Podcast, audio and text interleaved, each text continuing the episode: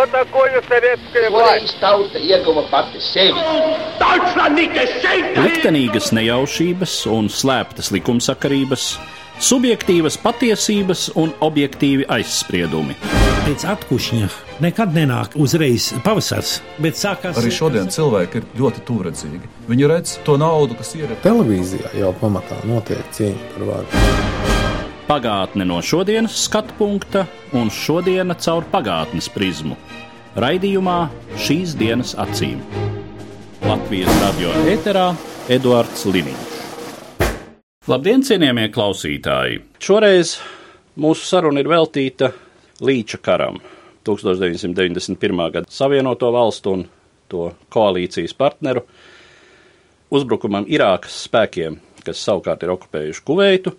Mans sarunbiedrs studijā šovakar ir Ārs Jansons, politiskais komentētājs un starptautisko attiecību speciālists, kurš jau tobrīd aktīvi un profesionāli sekoja politiskajām norisēm pasaulē. Sakiet, Jansons kungs, nu, es atceros toreiz, kad um, šie notikumi bija ļoti aktuāli, kādā vai BBC vai divās Eiropas komentārā izskanēja tāda tēze, ka faktiski jau atbildība par to, kas tur notiek, zināmā mērā ir jāuzņemas angļu ģenerāļiem, kuri 40. gados velkot jauno neatkarīgo arābu valstu robežas ļoti daudz strādāja ar lineālu un uh, mazāk rēķinājās ar kaut kādām kultūrālām un cita veida realitātēm, kas šim reģionam ir raksturīgas. Kā jūs to varētu komentēt? Tā ir patiesība, un arī 1991. gadā Irākas režīms jau neatzina to robežu, kas pastāvēja Irākai ar Kuveitu. Tas jau, kā jūs sacījāt, ielikts vēsturē. Bet domājot par tiem apstākļiem, kāpēc Irāka tieši tobrīd Kuveitai uzbruka, acīm redzot, ne jau šī līnija vien bija varbūt tas galvenais, jo tā jau pastāvēja labu laiku. Lieta tā, ka Irānas Irākas karš jau bija noticis pirms 1991. gada, un konkrēti tas jau sākās gadus desmit ātrāk. Irāka, protams, bija nonākusi visai lielās grūtībās sakarā ar karošanu pret Irānu, lai gan Savienotās valsts faktiski toreiz nostājās drīzāk Irākas pusē, galīgi ne Irānas pusē, kas biedēja ne tikai Irāku, gan, bet arī pirmām kārtām pat varbūt Savienotās valstis ar savu ajatolu režīmu, ajatola Homēni toreiz nāca pie varas.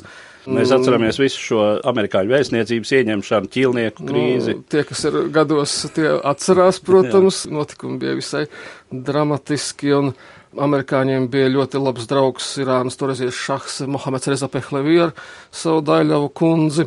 Un uh, viņa gāšana, protams, Amerikai bija sāpīgs pārdzīvums, tāpēc arī šis atbalsts Irākai karā ar Irānu.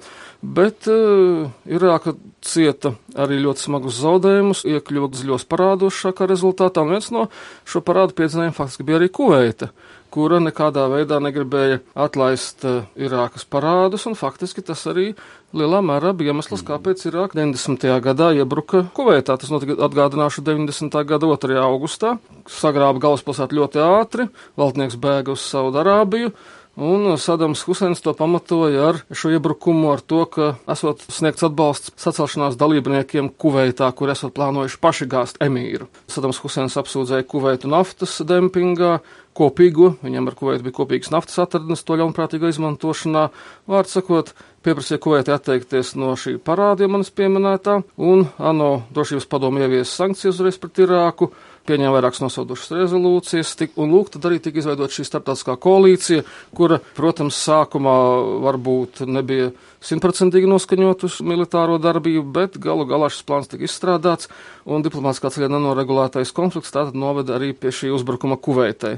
Tā arī tas viss sākās 91. gadā, kad Latvijā, piemēram, bija tomēr gluži citas raizes. Es tajā laikā strādāju Maskavā, Latvijas pārstāvniecībā.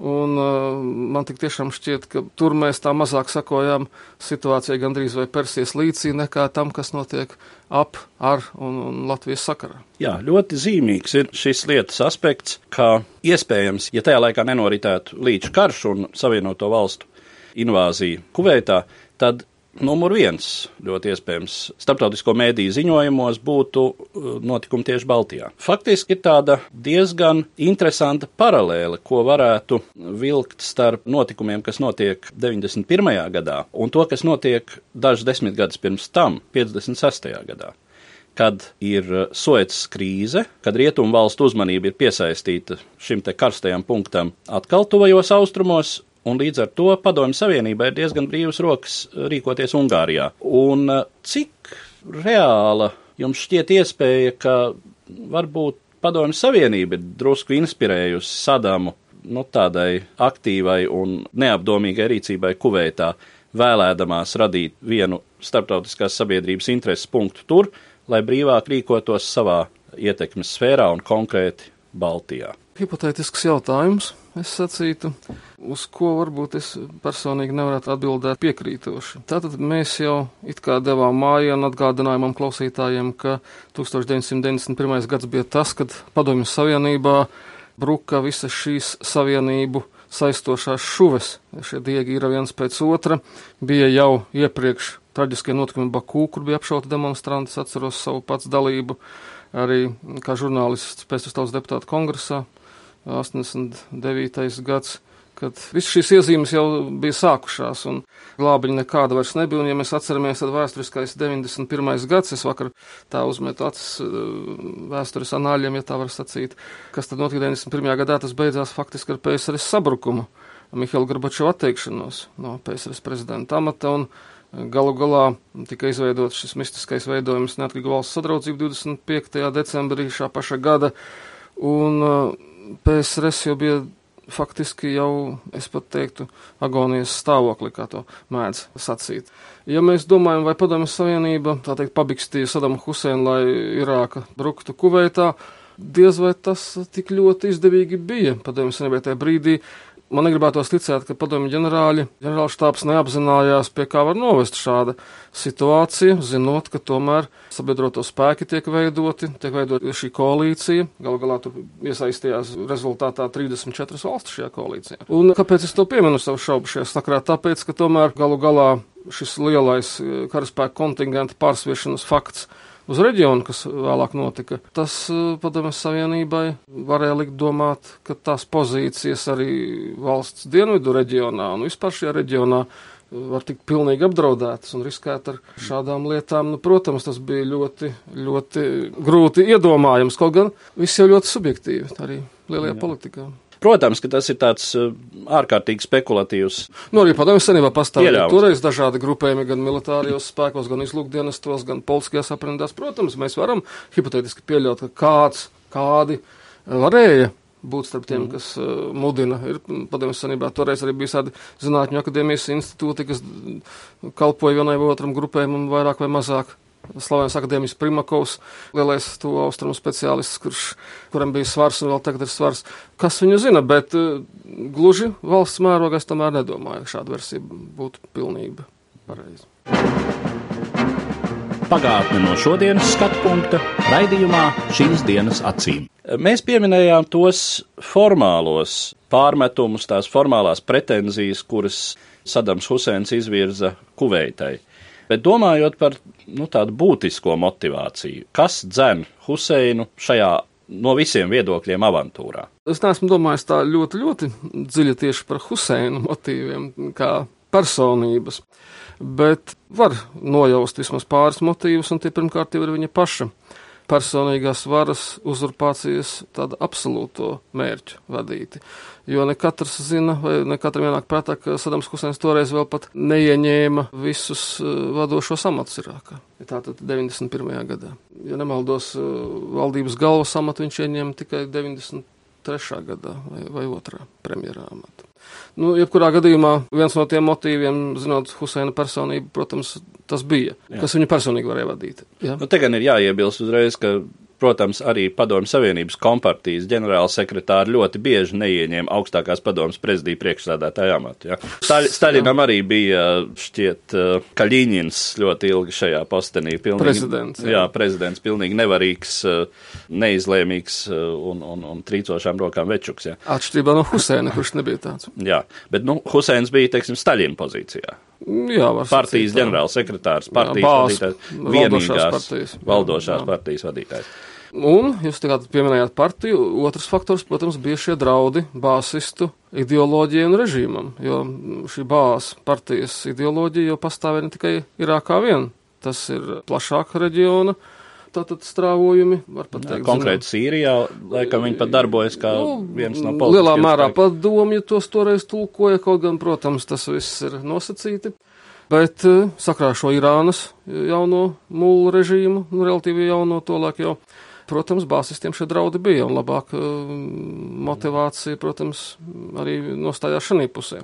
Vēl viens motīvs tātad tas ir. Tātad bāzes partija eh, mums droši vien ir precīzi jāpasaka, tā ideoloģija ir zināmā mērā ar sociālistisku piegaršu, mm. un otrs virziens vai, vai otrs pamat postulāts ir panarābisms, ja, visu arābu valstu apvienošana vienā lielā nācijā. Protams, tas bezprecedenta gadījums, kad eh, nu, faktiski tiešām bezprecedenta visā apvienoto nāciju pastāvēšanas vēsturē, kad šī organizācija pirmkārt sankcionē kara darbību. Uh, nu, izņēmums, laikam, bija jā, Korejas varbūt, karš. negluži kara darbību sankcionējas, varbūt, protams, tad kā kādreiz mācījies tādā speciālā diplomāta skolā, gribu precizēt. Protams, apvienotajās nācijās nebija tik precīzi, jā. Esmu piezīmējis tieši šo formulējumu. Apvienotās nācijas, jā, piekrita, es citēju, jebkuriem nepieciešamiem pasākumiem. Mm. Tātad, kas sakristu ar starptautiskās kopienas prasību izpildu? Mēs to varam tulkot tik tiešām, kā to gribam, bet, nu, komentējot jebkurus nepieciešamos pasākumus no tīri privātas pieredzes viedokļa. 90. gada septembra sākumā man gadījās būt Vācijā, un konkrēti Frankfurtē, kas ir lielākais aviācijas mezgls eh, kontinentālajā Eiropā, kur ir milzīgs civilais lidlauks, bet arī NATO militārie skrejceļi. Tātad ir septembris sākums, kopš iebrukuma Kuveitā ir pagājis mazliet vairāk nekā mēnesis, un apvienotās nācijas vēl nav teikušas nekādu savu jāvārdu. Jā. Bet reizi 15-20 minūtēs no NATO skrejceļa pacēlās viens lielais eh, Savienoto valstu militārās aviācijas transporta lainers, kurš devās uz Persijas līci ar militāro tehniku, ar cilvēkiem. Savienotās valstis, es domāju, bija jau pilnīgi gatavas darīt to, ko tās ir izdarījušas. Sadams Husens toties, manuprāt, nebija pārliecināts, ka tās izšķirsies par vienošanos ar koalīciju un par tik ievērojamu valstu aliansi pret šo situāciju. Jā. Nu, tas viņam nenoliedzami arī bija pārsteigums. Un, un tas, ka šajā aliansē piedalījās tādas valstis kā Ēģipte, šķiet arī Sīrija. Katrā ziņā gadījumā liels svars bija Saudarābija. Nu, Saudarābija, protams, kā no Arābu valstīm centrālais spēks, protams, arī visvairāk apdraudētā valsts. Mm. Jo droši vien, ja mēs atkal uzdodam hipotētiskus jautājumus, vai Huseins būtu apstājies Kuveitā, ja viņam netika dots pretspars. Jautājums, protams, ir vērts, lai to apdomātu. Varbūt atsmirkļi viņš būtu apstājies. Katrā ziņā Cik es atceros tā brīža noskaņojums un to, ko par to runāja to brīdi komentējot šos notikumus, nu, Saudārābijas režīms bija pamatīgi izbijies no tā, ka.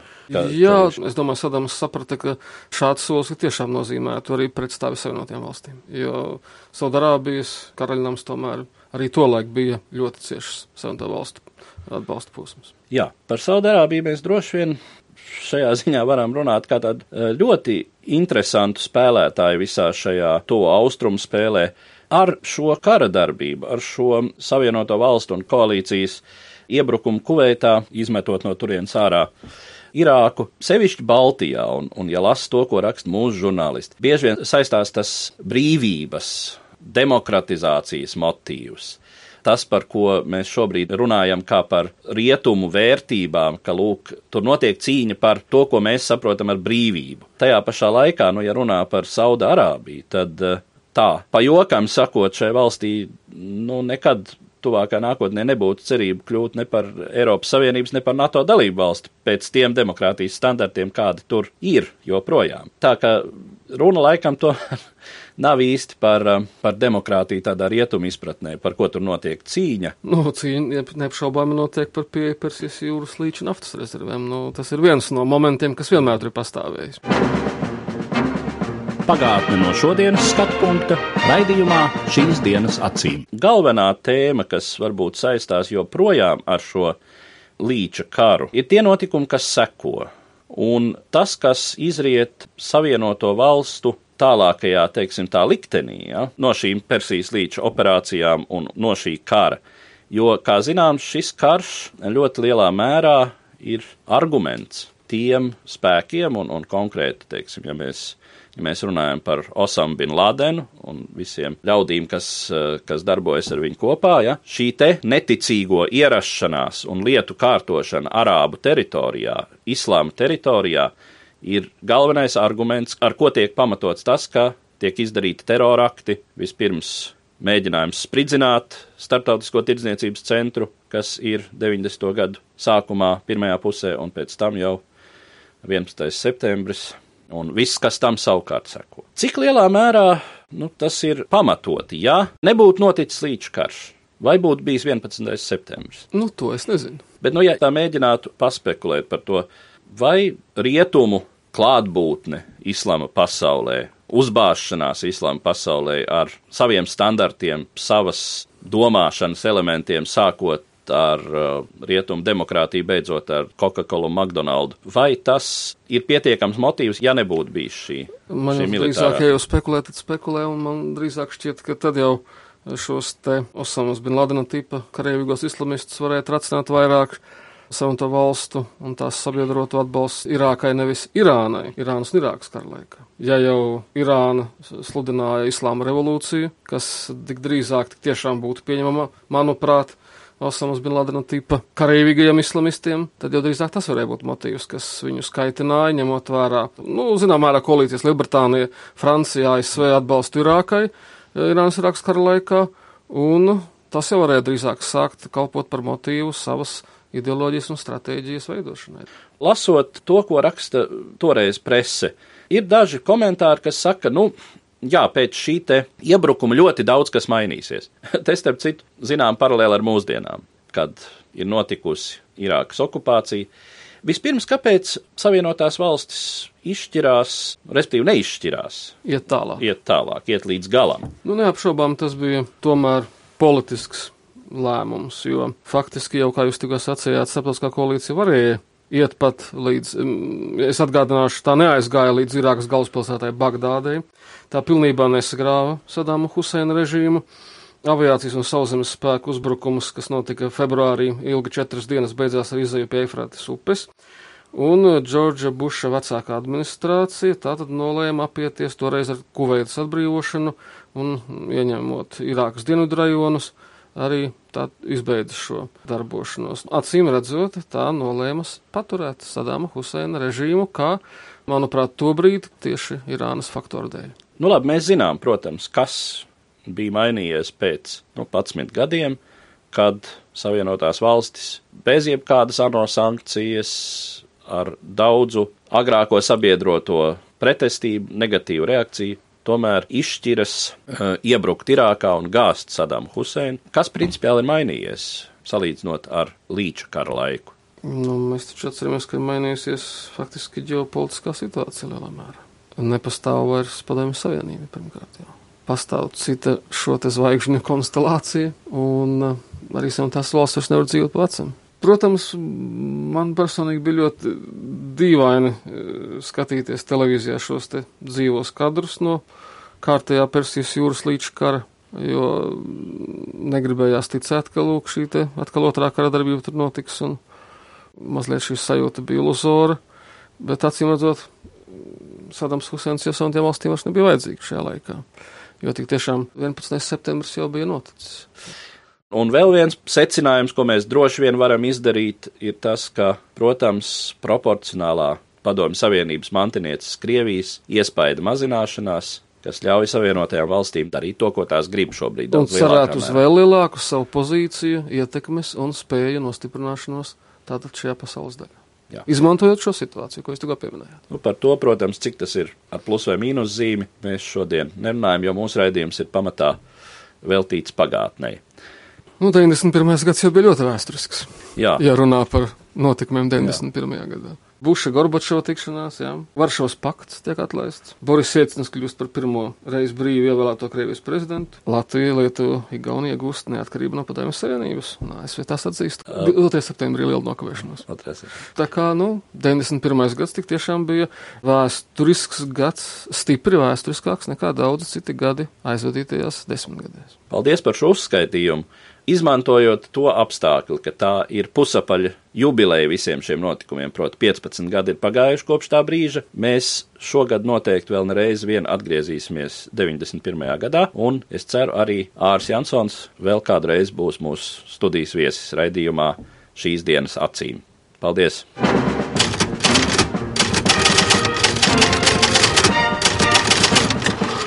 Pagātnes preses apskats. Un tagad par to, kā līča karš atspoguļojās tā laika Latvijas preses izdevumos. Latvijas rakstošās preses uzmanību primāri, protams, saista pašmājās notiekošais, un arī izdevuma izmēri tobrīd ir pieticīgi. Te jāatgādina, ka no kompartijas neatkarīgie preses izdevumi ir padzīti no preses nama, Un iznāk, kā nu kurš prot, diena brīžiem pat uz raupja ietinamā papīra un ar violētu tinti drukāta. Tā 19. janvārī, kad vecrīgā vēl kūpa barikāžu ugunskuri, bet koalīcijas lidmašīnas un raķetes jau otro dienu bombardē Irāku, Diena savā lejā publicē Arta Rozenberga rakstu Noziegums un sots. Šķiet, autors patiesi aizrāvies ar domu par šo karu, kā viņa vārdiem runājot, brīvās pasaules karu pret komunisma rēgu.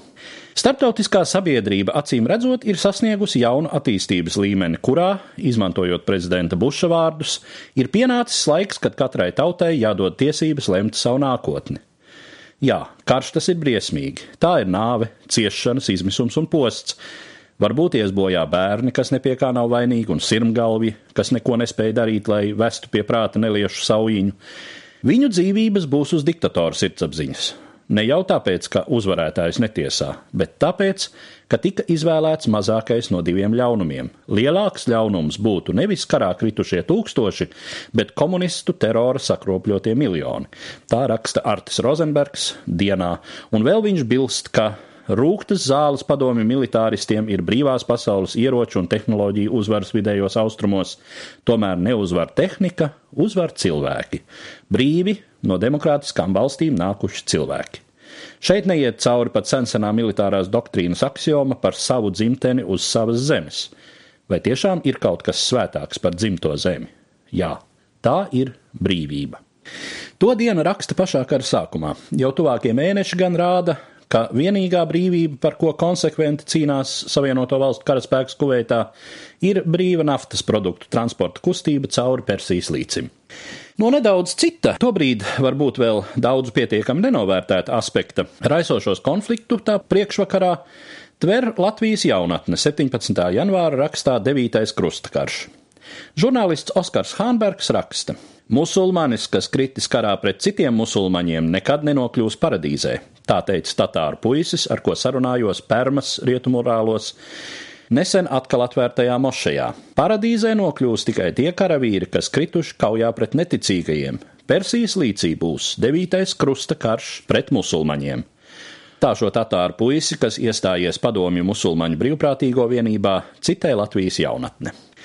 Ar dažādu ekspertu viedokļiem, papildinātiem ar uzskatāmām militārām schēmām, savus lasītājus šajās dienās labprāt priecējas Latvijas kompartijas krievu valodīgais oficiāls Sovietskai Latvija. 22. janvārī savu viedokli te pauž padomju armijas ģenerālmajors Ivanovs. Primārā objektīvā informācija, kas sāk izsisties cauri rietumu korespondentu pārlieku optimistisko paziņojumu straumei par kara pirmās dienas rezultātiem, rāda, ka amerikāņu pavēlniecības izziņotie dati par pirmo triecienu efektivitāti bijuši nedaudz pārspīlēti. Daži dati liecina, ka amerikāņu, angļu un viņu sabiedroto bumbu un raķešu triecienu virknei objektu bijuši negluži precīzi. Ievērojot šos un citus momentus, kļūst skaidrs, ka amerikāņu koalīcijas valstīm karš ar Irāku var sagādāt dažus pārsteigumus. Tā piesardzīgu pesimismu pauž padomju ģenerālis.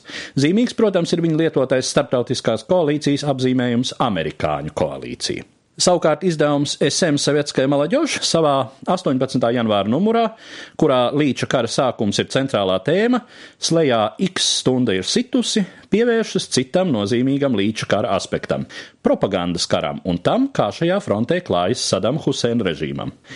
Huseins savai tautai parādījās tikai piecas stundas pēc kara darbības sākuma. Uzstājoties rādio, viņš teica: Visu karu māte ir sākusies, mēs nepadosimies. Tā ir dižana sadursme, visizšķirošākā kauja starp taisnīgumu un netaisnību. Huseins nodēvējis prezidentu Bušu par sātanu un aicināja irākiešus pretoties. Huseina vārdiem runājot, Irāka sakaus neticīgos un viņu sabiedrotos un atbrīvos Palestīnu, Meku, Libānu un Golānas augstienes. Bagdādas radio diktors paziņoja, ka Irākas prettieciens būšot divkārt lielāks un Irāka nekad neatteiksies no Kuveitas. Pie tam Bagdādas radio neziņoja neko konkrētu par kara darbību, bet tūdaļ sāka pārraidīt citātus no Korāna un patriotiskas dziesmas, kas slavina Sadamu Huseinu. Tā laikraksts SM pašā kara sākumā. Šis pats izdevums SM vairāk nekā pēc mēneša, iesākoties sauszemes operācijām, savā rakstā Persijas līcis miera formula, pievēršas līča kara saiknei ar situāciju Padomju Savienībā. Raksta autors Boris Bahovs raksta. Koalīcijas veidošanās un vēl jau vairāk kuveitas problēmas militārs risinājums kļuva iespējami tikai ar Padomju Savienības piekrišanu. Taču jo tālāk, jo jūtamāk kļuva mūsu mīļā militāra rūpnieciskā kompleksa un PSKP reakcionārākās daļas pretdarbība šim kursam. Pati doma par to, ka varētu dzīvot bez mūžam pie apvāršņa vīdošā ienaidnieka tēla, šīm aprindām ir biedējoša. Bruņojumu samazināšana, padomju karaspēku izvešana no Austrumēropas, visas Eiropas bubuļa, Varšavas līguma organizācijas faktiskais sabrukums ir mainījuši viņiem tik pierasto un vienīgi iespējamo atmosfēru. Un tad vēl svarīgākā militāra politiskā sabiedrotā zaudējums tojos austrumos - apžēliņi. Kā tad to var paciest? Lūk, kur pamatā slēpjas iemesli tik krasi prasam Padomju Savienības iekšpolitiskā kursa pagriezienam pa labi. Oficiālie masu informācijas orgāni un rietumu partneri, kuri negrib mūs pārlieku tracināt, cītīgi sāk pārliecināt mūs un pie reizes arī paši sevi, ka aiz kadru pārbīdēm Kremļa augšējos ešelonos, aiz aktīvajiem diplomātiskiem pūliņiem vienalga kādā formā paglābt Sadamu un viņa režīmu, neslēpjas PSRS ār un vienlīdz arī iekšpolitikas kursa maiņa. Pieminēto konservatīvo spēku propagandiskā retorika arī atrodama Latvijas presē, kur to pārstāv Latvijas kompartijas orgāns cīņa. Šī izdevuma žurnālisti līdz kara aplūkojumā atļaujas to, kam netiek līdz pat viņu kolēģi no Savietskajā Latvijā. Tas pat nav Gorbačova laika, tas ir Brežņeva ēras izteiksmes stils, kas vispār jau nepārsteidz. 22. janvārī rakstā Kara teātris un preses teātris autors Biedrs Liepiņš piedāvā lasītājiem ziepenes cienīgu sižetiņu par tēmu Mihails Gorbačovs glābīja mieru visā pasaulē. Plaši parādīta arī PSRS prezidenta rīcība un pūliņu novērst ieroču šķindu.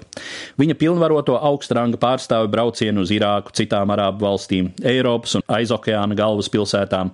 Daudz un gari sprieda ANO drošības padome, dzima 12 rezolūcijas, un pēdējā atļāva starptautiskās sadraudzības valstīm lietot ieroču spēku pret Bagdādas režīmu. Divos naktī, kad sākās uzbrukums Irākai, ASV valsts sekretārs Beikers piezvanīja pa telefonu uz Maskavu jaunajam PSRS ārlietu ministram Besmertniham un pavēstīja, ka prezidents Bušs nolēmis sākt vistuvākajā laikā vētru tuksnesī.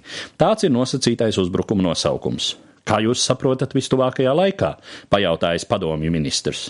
Stundas laikā skanējusi atbilde. PSRS prezidents darbojās enerģiski, bet stundas laikā jau karu nenovērst. Un tomēr lidoja telegrammas Huseinam uz Bagdādi ar vēlreizējiem priekšlikumiem izvest karaspēku no Kuveitas, konsultācijas ar ASV, kontakti ar Franciju, Lielbritāniju, Ķīnu, Vāciju, Itāliju un Indiju, taču tai laikā jau vārījās debesis un zeme. Savukārt starptautiskā imperiālisma ļaunumu iemiesojošo Ameriku tas pats Liepiņš raksturos 1. marta cīņas numurā, izvērtējot kara rezultātus. Raksts Tālais un Tuvais Persijas līcis sasaista notikumus Kuveitā un Baltijā, līdzīgi kā to dara dienas žurnālisti tikai tā sacīt tumšo un gaišo spēku apgrieztajā variantā. ASV rīcību Persijas līča rajonā. Nevaram atraut no to politikas citos reģionos, no mēģinājumiem mācīt svešas valstis, kā dzīvot, no centieniem iejaukties to iekšējās lietās. Gribētos ticēt, ka pasaules žandarma laiki ir aizgājuši, tāpat nevajadzētu vairs būt augstajam karam. Diemžēl vairāku ASV politiķu pat oficiālu pūliņi sāsināt attiecības Baltijas padomu republikās, sarīdīt tās ar centru, tā ir realitāte, raksta Biedrs Liepiņš. Par pagātni sarunājas Eduards Līniju.